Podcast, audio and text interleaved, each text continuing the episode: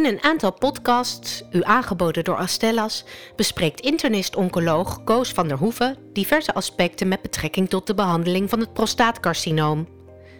In deze podcast spreekt hij met internist-oncoloog Tineke Smilde uit het Jeroen Bos ziekenhuis te Den Bosch en met verpleegkundig specialist Erik van Muilenkom uit het Antonie van Leeuwenhoek te Amsterdam over de holistische benadering van patiënten met prostaatkanker. Aan bod komen onder andere wat zij onder een holistische benadering verstaan, aan welke specifieke punten zij aandacht besteden en wat de situatie in Nederland is.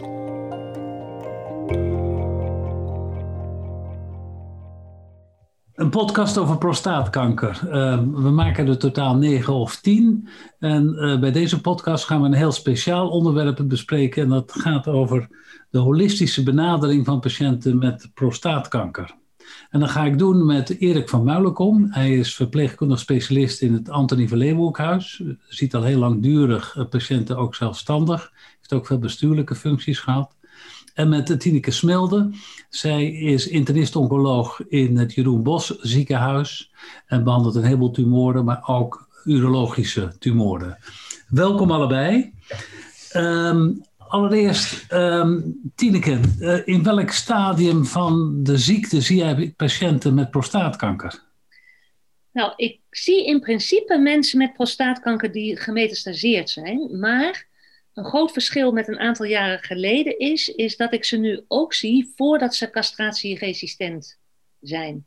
En dat is echt een heel groot verschil, want dat maakt dat ik nu zie wat castratie bij die mannen doet. En wat ik voorheen niet zag, omdat ik ze dan pas veel later in het traject uh, zag.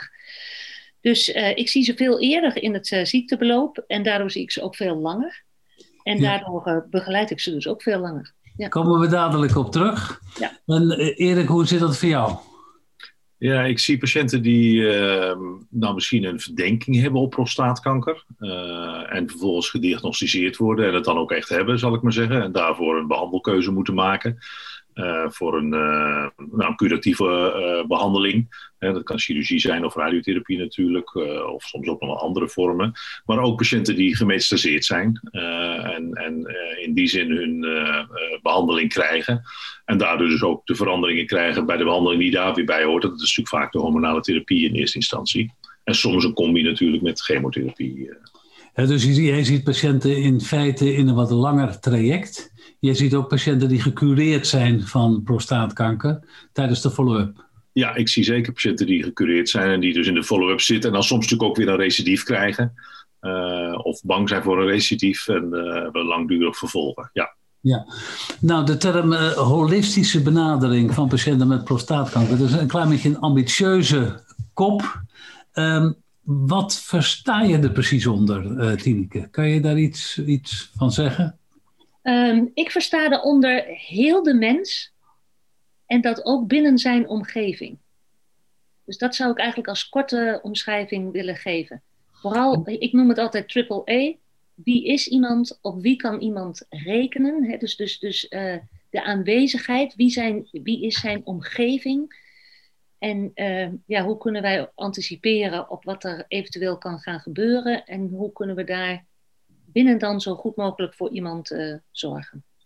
En als je nou eens prostaatkankerpatiënten vergelijkt met andere patiënten, met patiënten met een andere maligniteit, kies je dan voor een andere benadering bij prostaatkankerpatiënten of kom je daar andere dingen tegen? Nou, je komt andere dingen tegen uh, op het moment dat ze nog niet uh, gecastreerd zijn en dat wel gaan worden, al dan niet door de hormonale therapie, hè, dus of door de injecties of dat ze een orchidectomie ondergaan.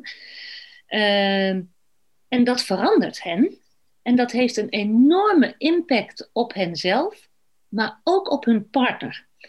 En uh, ik denk dat heel vaak die partner uh, vergeten wordt in dit verhaal. en terwijl ze dat toch heel erg missen en ook de man dat uh, mist. Want die realiseert zich eigenlijk onvoldoende wat er gebeurt binnen de relatie. Uh, waardoor je soms ziet dat mensen gaan verwijderen van elkaar. Terwijl als je daar wel vroegtijdig over spreekt, je dat kunt ondervangen. Ja. En ik denk dat de impact van de seksuele verandering die optreedt, maar ook in spierkracht en in, ja, ook in hoe ze emotioneel in elkaar gaan zitten, die is gigantisch en daar moet aandacht voor zijn, denk ik. Ja, want, en dat verschilt dus van andere tumorsoorten. Ja, want jij zei er net in, uh, in de inleiding al eventjes.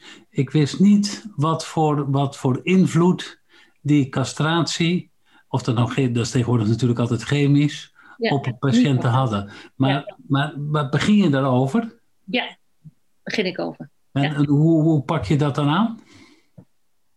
Nou ja, ze komen natuurlijk van de, van de uroloog en dan hebben ze vaak, uh, nou, bij wijze van spreken, net de injectie gehad. Hè? En ik zie ze dan om te bespreken of er nog iets aanvullends moet gebeuren, bijvoorbeeld chemotherapie of nog een extra hormonale behandeling erbij. En uh, nou, eerst vraag ik hoe het met ze is en of ze al verandering hebben gemerkt. Nou, dat hebben ze vaak dan nog niet, want die injectie is nog maar kort gegeven. En uh, dan vraag ik wel of ze daar informatie over hebben gekregen. Dat hebben ze vaak wel gekregen, maar dat is nog niet doorgedrongen, zeg maar. En uh, ja, ik, ik, ik vraag gewoon ook echt uh, naar hoe het leven nu is, ook het samen zijn nu is. En ja, ik bereid hun ook voor dat dat gaat veranderen. En daar schrikken ze soms ook van. Ja, Erik, uh, dezelfde vraag eigenlijk aan jou. Wat, wat versta jij nou onder een holistische benadering van patiënten met kanker? Nou ja, kijk, het woord holistisch is natuurlijk een heel triviaal woord, zal ik maar zeggen. Ik ken het ook nog van, van 30 jaar geleden. Dat, we hadden het heel vaak over holisme. En op een gegeven moment is dat woord afgezakt. En nu zie je het ook weer een beetje terugkomen in de literatuur. Is een soort, soort integrative care wordt het dan vaak mee uh, geassocieerd. Dus dat je kijkt naar het geheel van die patiënt, die, die, die, die, persoon met die ziekte en met zijn omgeving, zoals Tineke dat net ook al zei. En zo kijk ik er eigenlijk zelf ook naar. Je kunt natuurlijk niet die ziekte, en zeker bij prostaatkanker, is dat natuurlijk toch een ziekte die je langdurig hebt. Dus die heeft natuurlijk heel erg te maken met die persoon. Uh, en die verandert die persoon, dat doet iets met die persoon. Uh, en nou, daar probeer ik als, als zorgverlener um, nou ja, bij aan te sluiten, te proberen eh, die, die ziekte draaglijk te maken, leefbaar te maken, uh, zodat mensen daarmee voort kunnen. Um, jij, jij ziet uh, verhoudingsgewijs heel veel prostaatkankerpatiënten, maar ook wel patiënten met andere urologische tumoren. Waarin onderscheidt die prostaatkankerpatiënt zich in jouw visie het meest in? Nou ja, kijk, er is natuurlijk één belangrijk onderscheid, dat zijn allemaal mannen. Uh, dat, is, uh, dat staat als een paal boven water. Maar dat maakt ook um, dat mannen um, gaan over het algemeen, en ik, dat is generaliseren, dat realiseer ik me heel goed, maar gaat natuurlijk soms anders om met ziekte dan dat vrouwen dat doen. Um, en vaak zie je daar dus ook, en ik hoorde Tineke daar net ook al iets over zeggen, daar zie je natuurlijk soms ook dat um, uh, partners, het zijn vaak mannen en een vrouw, als ze een partner hebben, ook soms zo enorm verschil in hoe ze omgaan met die ziekte. Waarbij ik toch heel vaak zie dat die heel veel prostaatkankermannen Um, ja, die willen graag die willen een, een, directe benadering. Die willen weten, nou, ik heb een probleem, kun je dat oplossen? En dat wil ik graag snel opgelost hebben. Zijn misschien wat minder geneigd om um, nou, wat naar diepere emoties te kijken. Um, nou, wat betekent dat nou voor hun leven? Willen snel en vlot en willen door. daar worden ze dan soms ook in teruggeroepen op het moment dat ze een, een hormonale behandeling krijgen. Want dan worden ze vaak zelf al wat, nou, soms wat emotioneler, wat gevoeliger. Um, dus daar verandert echt iets in, in hun man zijn, in die zin ook.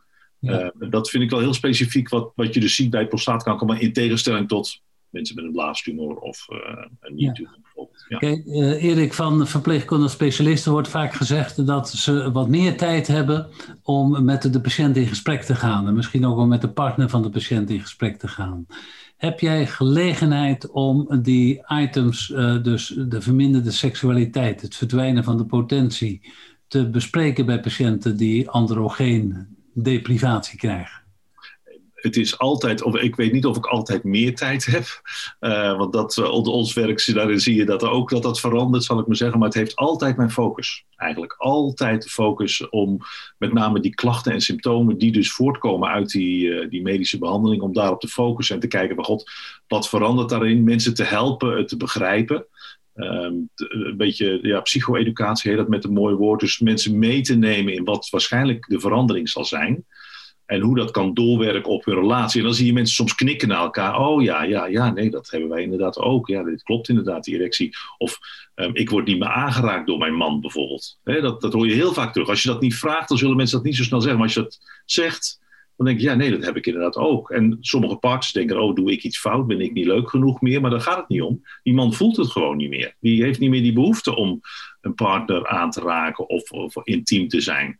Uh, maar dan moet je mensen wel bij helpen om dat te begrijpen. Dat, dat geldt ook voor stemmingswisselingen. Hè? Mensen die ineens een, een kort lontje krijgen, bijvoorbeeld. En dus sneller uh, geagiteerd zijn. Nou, als je dat niet weet, dan ben je, ja, zo'n man is geagiteerd en zo'n partner denkt, wat doe ik iets fout? Of die krijgen ruzie. Als je het mensen uitlegt hoe dat werkt, kunnen ze er soms beter mee dealen en kunnen ze doorleven. Nog even terug, die benoemde net, die zei van, ja, als ik die patiënten spreek, dan hebben ze het wel gehoord. Iemand heeft het misschien ook wel gezegd. Het heeft waarschijnlijk in een folder gestaan, maar het is nog niet ingedaald. Nee, het is nog niet ingedaald. En, en uh, wat, uh, wat Erik net ook zegt, van de man is vaak heel erg oplossingsgericht bezig. En de vrouw is vaak ook heel bezorgd over, ja, blijft hij wel leven en hoe zal het, hoe zal het gaan? En ik, ik, ga, ik, ik probeer dan toch ook aandacht te besteden aan die vrouw door te zeggen van, goh, ook voor u gaat er iets veranderen. Want zijn belangstelling gaat veranderen. Daar kan hij niks aan doen, maar dat is wat er gebeurt. En als jullie daar, als ze daar al aandacht aan besteden voordat het helemaal weg is, dat gevoel, dan creëer je een nieuwe manier van samen zijn. En die kans wordt, denk ik, heel vaak in de behandeling gemist.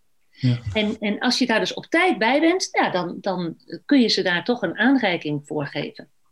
Je zegt uh, vooral, ik, ik bespreek het. Ja. Ik begeleid ze daar naartoe.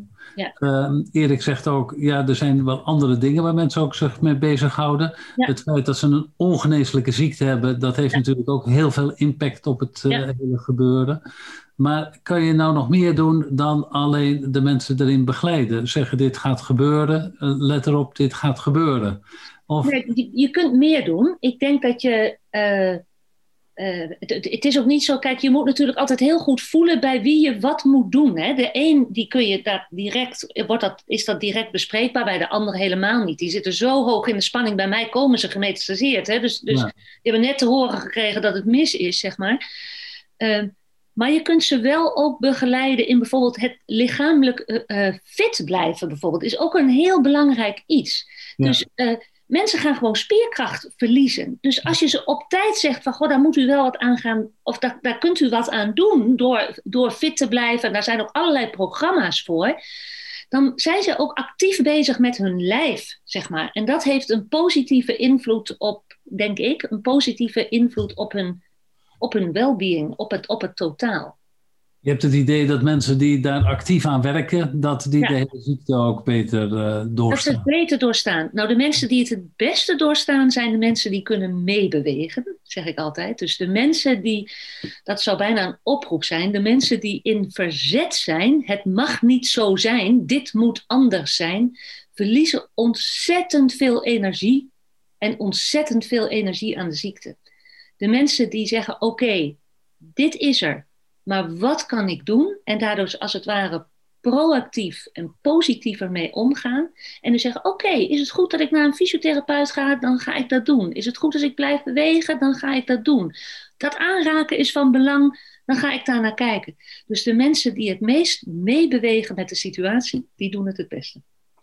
Erik, hoe zit jij daarin? Ja, nou ja, ik denk op het moment dat je die ziekte um, een deel laat zijn van je, van je leven, Ehm, dan maakt het je jezelf ook makkelijker. Ja, dat klinkt natuurlijk makkelijk als je zelf geen patiënt bent. Maar dat, is, dat zie je natuurlijk wel in de spreekkamer gebeuren. Er zijn mensen die leven met die ziekte. En er zijn natuurlijk, kijk, mensen krijgen die diagnose. Ehm, ik zeg heel vaak van, nou luister, u gaat voorlopig nog niet dood. dat weet je natuurlijk dat dat er altijd achter zit. Ik zeg, u gaat echt voorlopig nog niet dood. Dus ga uw huis alsjeblieft niet verkopen. Uh, moet u niet doen.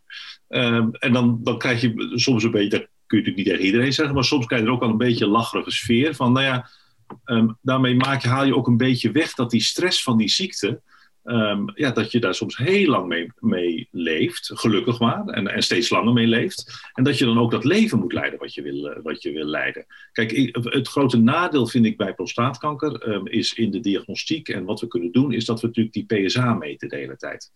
Uh, PSA is natuurlijk een hele mooie uh, marker, een hele makkelijke tumormarker. Hè, uh, kost bijna niks en je hebt zo een uitslag. Tegelijkertijd raken mensen soms helemaal gefixeerd op die tumormarker en kunnen niet, dan gaat hij een beetje omhoog, een beetje naar beneden en dan denken wij natuurlijk vanuit ons, nou ja, vanuit je zorgperspectief. Denk Maakt niet zoveel uit.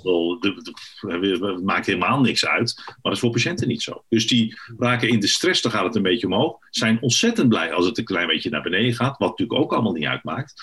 Maar dat is dus echt, dat vind ik soms echt wel een nadeel. Soms zou je denken, god, hadden we maar iets anders. Hè? Mensen zijn heel erg gefixeerd op het PSA-gehalte. Dat zijn mensen met andere tumoren ook wel eens op hun tumormarker, hoor, denk ik. Ja, dat zijn de anderen ook. Zijn ja. andere mensen ook, ja.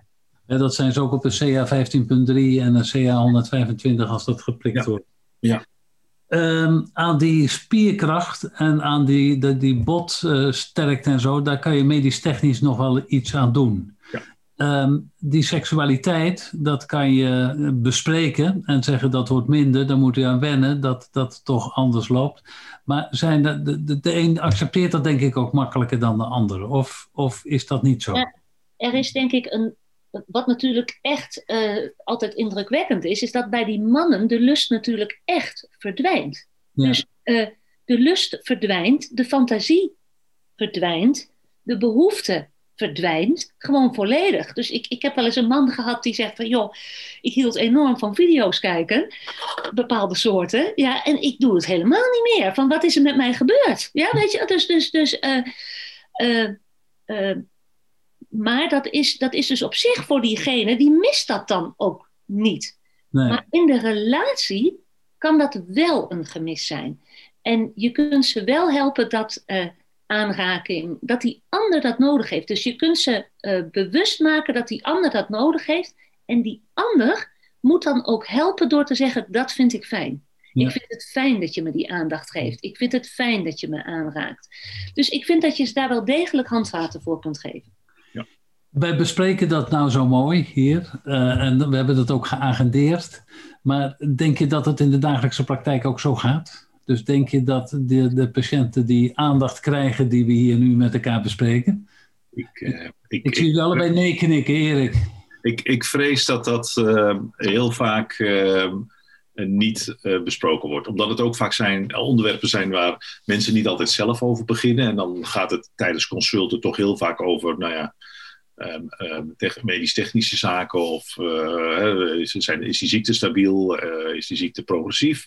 En dan worden dit soort zaken vergeten. Tegelijkertijd um, denk ik dat het een heel belangrijk onderdeel moet zijn van je, van je zorg, gewoon voor deze patiëntengroep. dus uh, ja, iedereen moet denk ik aangemoedigd worden die deze patiëntengroep ziet om, om daar aandacht aan te besteden. Of zou het ook nog wel eens kunnen zijn dat een dokter zou kunnen denken, of een verpleegkundige specialist, laat ik het maar niet aanroeren, want als ik erover begin, dan ben ik nog een half uurtje bezig. Ja, dat, dat is natuurlijk ook zo. Uh, je hoeft het ook niet elke keer aan te roeren natuurlijk. Ja. Je ziet die mensen natuurlijk uh, toch, toch frequent. Dus je hoeft natuurlijk ook niet elke keer weer dat gesprek aan te gaan. Dat hoeft helemaal niet. Uh, maar daar zit een mooie tussenweg in, denk ik, om dat wel te doen. Jullie zeggen allebei, uh, wij denken dat daar toch uh, in de dagelijkse praktijk te weinig aandacht voor is. Ja. Hoe zou je dat nou toch kunnen verbeteren? He, dat hoef je niet zelf te doen, maar wat zou er in, in, bij jezelf of in de organisatie verbeterd moeten worden om die aandacht wel te geven? Voorlichting is denk ik echt heel belangrijk. Dus, dus dat mensen het horen, dat ze erover mogen praten. Ik denk dat dat, dat, dat heel belangrijk is. En uh, ik denk dat het heel belangrijk is uh, om de partner een vraag te stellen. En dat is niet zo heel moeilijk om dat te doen. Hoe is het voor u? En je kunt het ook licht maken. Hè? Dus je, moet, je hoeft het niet meteen uh, bam erin. Sommige mensen schrikken er heel erg van. Ik had laatst met een heel jong stel. Die zeiden, oh we schrokken echt. Dus dat kan ook. Hè? Dat je dus ook nog uh, soms... ze zeiden, ja, het was wel heel goed, want we zijn ermee aan de slag gegaan. Maar we schrokken wel heel erg. Want ze hadden geen idee dat dit te wachten stond. Uh, maar ik denk dat voorlichting wel heel belangrijk is. En ik denk dat als mensen deze podcast luisteren, hoop ik dat ze de vraag durven te stellen. Het ja. loopt bij ons niet zo goed. Ja. ja. Nou, en ik denk ook dat het helpt als je een beetje toch dedicated mensen hebt um, die deze patiëntengroep um, zien. Want dan ben je gewoon bewuster. Kijk, als je. Dat is natuurlijk soms wel klachten die patiënten hebben, die ik ook wel hoor. Die zeggen: Ja, god, ik was, in, ik was daar en daar werd ik behandeld. En elke keer zag ik weer iemand anders hè, op de poli. Uh, en deze mensen zijn langdurig in zorg, hè? die zie je langdurig. Dus als je elke keer iemand anders ziet, ja, dan. Ja, er werd eigenlijk nooit naar gevraagd en het ging goed of het ging niet goed. Dus het, het helpt, denk ik, als je dedicated teams hebt die, die, die zich hier. en die weten dat dit dus een item is. En dat je hier dus naar moet vragen en hier iets in moet doen. Leent dit, dit soort onderwerpen zich voor, voor voorlichtingsavonden in een ziekenhuis? Dus bijvoorbeeld als je een, eh, een voorlichtingsavond over prostaatkanker hebt, dat je daar gewoon eens een half uur over praat? Ja, zeker. Dat doen we. En dat werkt. En dat kun je, de grap is, je kunt eigenlijk alles bespreken met patiënten. Ja. Ik heb nog nooit gehad, en mensen hebben mij nog nooit uitgelachen als ik over dit onderwerp begon. Of erectiestoornis, of verlies van lust, of weet ik, maakt allemaal niet uit. Er heeft nog niemand, uh, wel dat je soms merkt aan mensen, nou, nou heb ik niet zo behoefte aan. Of soms zie je wel eens een partner even wegdraaien bijvoorbeeld. Zo'n gesprek, dat heb ik wel meegemaakt. Maar er heeft nog nooit iemand gezegd, nou, wat u nu bespreekt, dat is, vind ik echt een no-go zone. Nog nooit, echt nog nooit. En eigenlijk zeggen jullie, uh, bereid de patiënten erop voor. Ja. Vraag ernaar. Vraag de partner er ook naar. Ja. Uh, probeer dingen die patiënten zelf kunnen doen, bewegen, sportiviteit, te stimuleren. En uh, een voorlichtingsavond in het ziekenhuis, dat het wat neutraler besproken kan worden, maar dat de boodschap toch goed doordringt, ja. zijn ook wel belangrijk. Ja. En ja, dat er niet alleen in staan, is denk ik ook heel belangrijk. Dat je gewoon uh, merkt van, hé, hey, dit is niet alleen mijn probleem waar ik mee worstel. Er is bijvoorbeeld een heel groot verschil tussen prostaatkankerpatiënten en borstkankerpatiënten. Borstkankerpatiënten krijgen ook hormonale therapie. Daar hebben ze ook heel veel last van. En die krijgen ook heel veel problemen op dat gebied. Maar dat zijn vrouwen en vrouwen praten met vrouwen. Dus vrouwen zitten op fora waar ze zeggen: dit is verschrikkelijk en dat is dat.